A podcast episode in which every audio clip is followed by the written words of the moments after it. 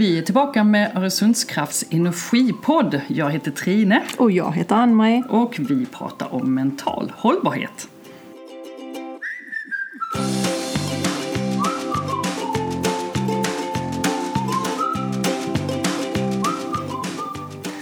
Idag Ann-Marie så tänkte jag att vi skulle prata om hur man bättre kan förstå, hantera och ta ansvar för tempot i sitt liv. Detta låter ju spännande, mm -hmm. för eh, det har jag lite problem med. Det är bara jag som ska prata då, eller? Mm -hmm. Men har du också den här känslan ibland att man, man känner att man liksom man bara dras med igenom dagarna och att man inte har så jäkla mycket koll på det? Mm. Absolut, speciellt de dagar där, jag har möten som går tätt, tätt, tätt, tätt, tätt. Mm. Alltså då kan jag ibland känna, men gud, vad har jag gjort idag egentligen? Mm. Ja, man kommer oftast hem och tänker att jag har inte fått någonting gjort. Alltså att man liksom har inte hunnit landa mm. under dagen. Mm. Men det är också väldigt ofta man tänker att det där är ju inte så mycket jag kan göra någonting åt. Utan det är ju så. Det var ju någon som hade bokat in alla de här mötena. Fast det håller jag inte med om. Nej, vad bra. ja, vad bra. Nej, för, för jag, jag förstod nästan det. och jag tänkte det redan när jag sa det innan med, för jag trillar ju ofta i den fällan. Att jag blir bokad och så vill jag vara snäll för det är någon som behöver mig och så tackar jag ja till det. Fast det då, då kanske inkräktar på den lilla reflektionstiden jag skulle ha eller ibland till och med på min middag eller på min lunch. Mm.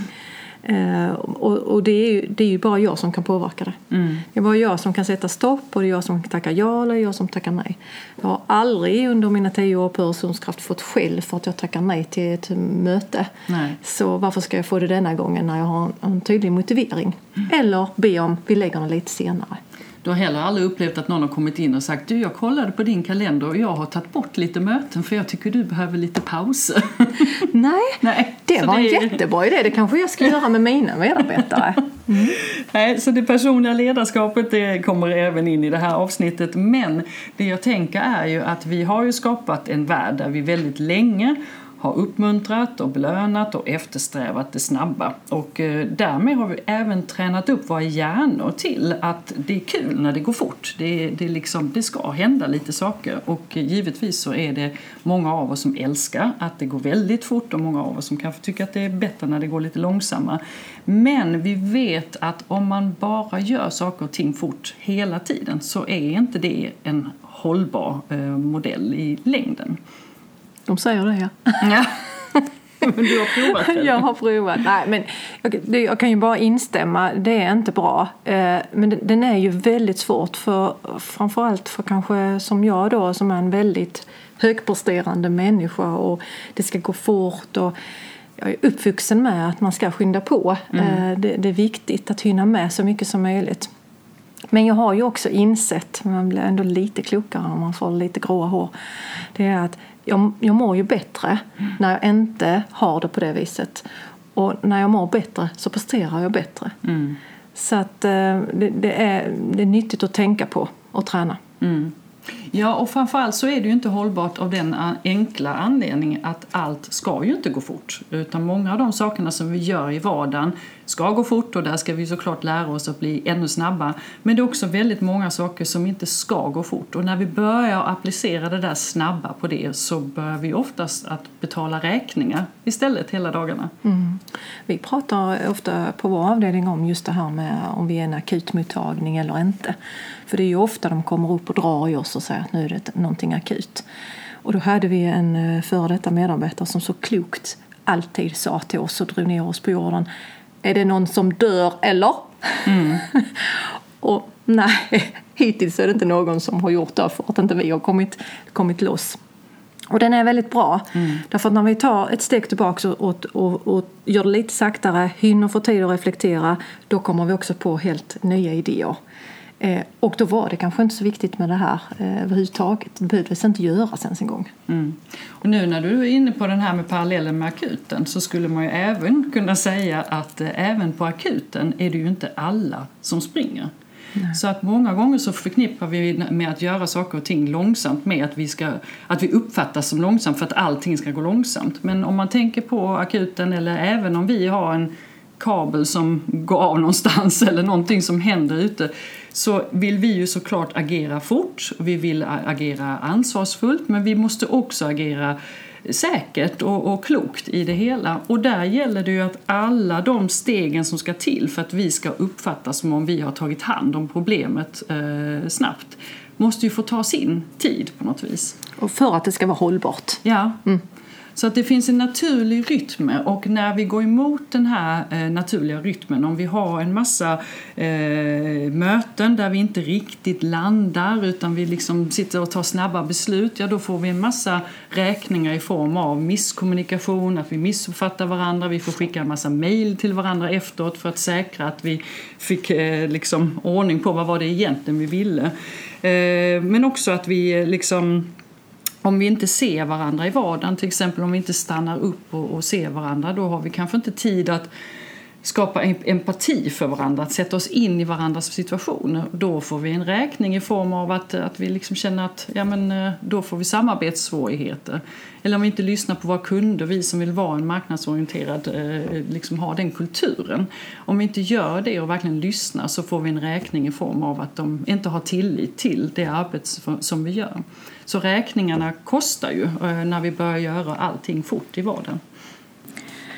Helt rätt Trine. Eh, på Öresundskraft så vill vi göra hållbara affärer för jordens och mänsklighetens bästa eh, energi för en bättre värld helt enkelt. Och därför strävar vi efter att göra det eh, på ett så sätt så att vi respekterar den naturliga rytmen som finns. Mm. Och det är ju både i naturen men också i den rytmen som finns i våra medarbetare. Och att man som individ också har ett, ett, ett tempo i livet som är det tempot där jag prestera och må som bäst i vardagen.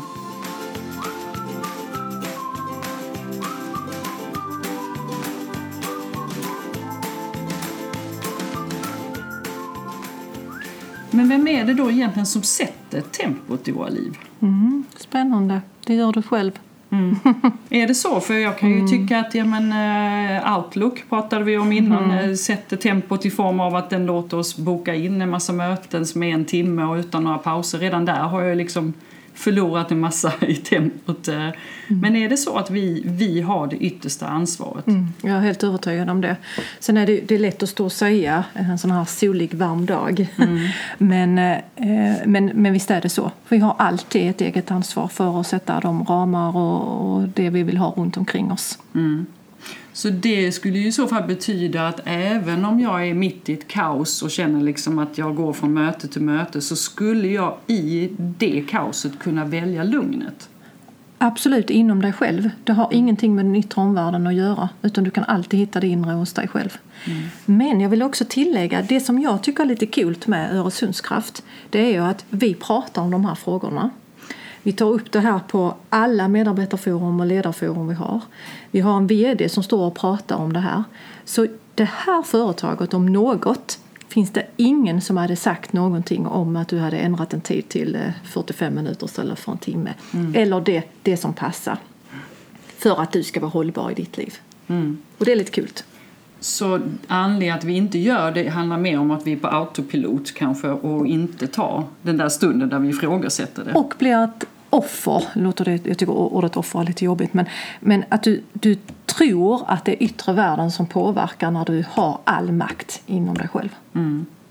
Och det är ju just alltså att, att landa i det faktum att vi alltid bär lugnet inom oss och att vi alltid kan välja det i vilken situation som helst är ju eh, en enorm kraft när man landar där men det är också lite provocerande när man, när man ja, hör det. Jag vet det och det, detta stöter jag på jätteofta när jag pratar om detta. Eh, folk blir väldigt provocerade. Ja, det är lätt för dig att säga. Mm. men, men faktiskt om man tar sig tid och tänker till ordentligt så finns det ingenting som kan skada dig om inte du själv säger det mentalt. Mm. Mm. och den tycker, jag, den tycker jag är väldigt häftig. Jag tänkte på det här, eh, man pratar om rädsla och så. En rädsla handlar ju bara om någonting som du har i din fantasi. Det är en rädsla för vad framtiden ska göra med dig eller en rädsla av någonting som har hänt sedan tidigare av erfarenhet att det kan komma igen. Det är ingenting som händer här och nu. Mm. Det finns inget... Om du skulle vara med om en, en, eh, en olycka, om du kör på en väg eller någonting sånt. Ja, du kan ligga eller tänka att du är väldigt rädd för att du ska köra av vägen eller krocka. För att du tror att det ska hända och du börjar fantisera en massa saker. Men skulle det hända någonting så händer det så snabbt mm. så du hinner inte tänka det. Mm. Och det tänker jag att vara här och nu.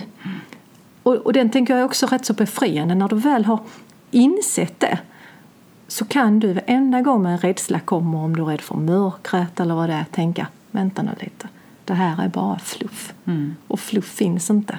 Tankar, tänker jag nu då. Mm. Jag kallar det för fluff. Ja, och det, det kan man egentligen, om man då applicerar det på en arbetsdag där man känner man, man kommer in på morgonen och så sakta men säkert så ökar tempot under hela dagen och du har en rädsla att du inte ska hinna med allt du ska för du måste hinna med det. Eh, då handlar det ju också om att stanna upp kanske lite i det dels ifrågasätter, måste vi verkligen? Men också, ja men behöver det att bli mindre gjort för att mm. jag gör det i lugn? Mm. Om jag stannar upp och istället stannar ner, liksom tar ner andningen i magen, andas långsamt och gör exakt samma saker. Mm. Då kanske jag kan göra det ännu fortare. Mm. Kan det vara så kanske till och med? Absolut. Jag säger att de fallen som jag har haft där det har kommit upp medarbetare som är extremt stressad och har extremt mycket i, i sin hjärna att den måste hinna med. Nio av tio fall när vi har satt oss ner, tagit en liten paus, en liten tankepaus, anderum mm. och satt oss ner och börjat strukturera. Vad är det för någonting du har? Visat och tittat på det. Nio av tio fall så har de inte för mycket att göra. Mm. Utan det handlar om att de har stressat upp sin hjärna och tänkt saker om framtiden som de inte tror de kommer att klara av. Mm. Så kanske istället för att man kommer till jobbet och känner liksom att man måste springa igenom dagen för att få så mycket som möjligt gjort, att vi istället börjar tänka på att göra saker och ting i sin rätta takt. Att vi blir bra på att vara närvarande, lyssna av den naturliga rytmen och så göra sakerna eh, i den takten som liksom det krävs för det och vara realistiska med vad vi hinner med under dagen. Finns det något tips som du skulle vilja ge Ann-Marie, eller när du tänker på just tempot i din vardag, är du bra på att styra upp det? Jag blir bättre. Mm. Um, för, för att den är, den är jobbig för mig. Men jag blir bättre. För, och, och då har jag massa av de här tipsen som jag sa innan. Vi brukar fråga, är det någon som dör? Då får vi inte en tankeställare. Um, men jag försöker också ta de där mikropauserna i vardagen. Att faktiskt stanna till och tänka, nej, vad håller du på med nu? Jag tänker också utifrån så som jag agerar i vardagen så tänker jag mycket på att göra saker och ting i sin rätta takt. Jag tänker mycket på det här med räkningarna. Att eh, det är inte lönt. Att jag vet att även om jag skulle vilja rusa igenom det här så är det bättre att jag gör det i den takten som det faktiskt behöver göras. Men just att allting har eh, sin unika takt och jag märker det speciellt om jag arbetar med någonting som är administrativt och sen byter till någonting som är strategiskt. Och där har man en tendens att vilja fortsätta vara lika produktiv när man eh, jobbar på liksom med det strategiska. Men det strategiska kanske inte är så snabbt att, att komma fram till. Eh, och där är det bra kanske just att stanna upp och tänka ja men nu jobbar jag med en annan typ av arbetsuppgift och det här kanske ska ta två, tre dagar så att då går det inte att komma in i det med den här farten av man har haft och man bockat av en massa saker under dagen. Smart tänkt. Äsch.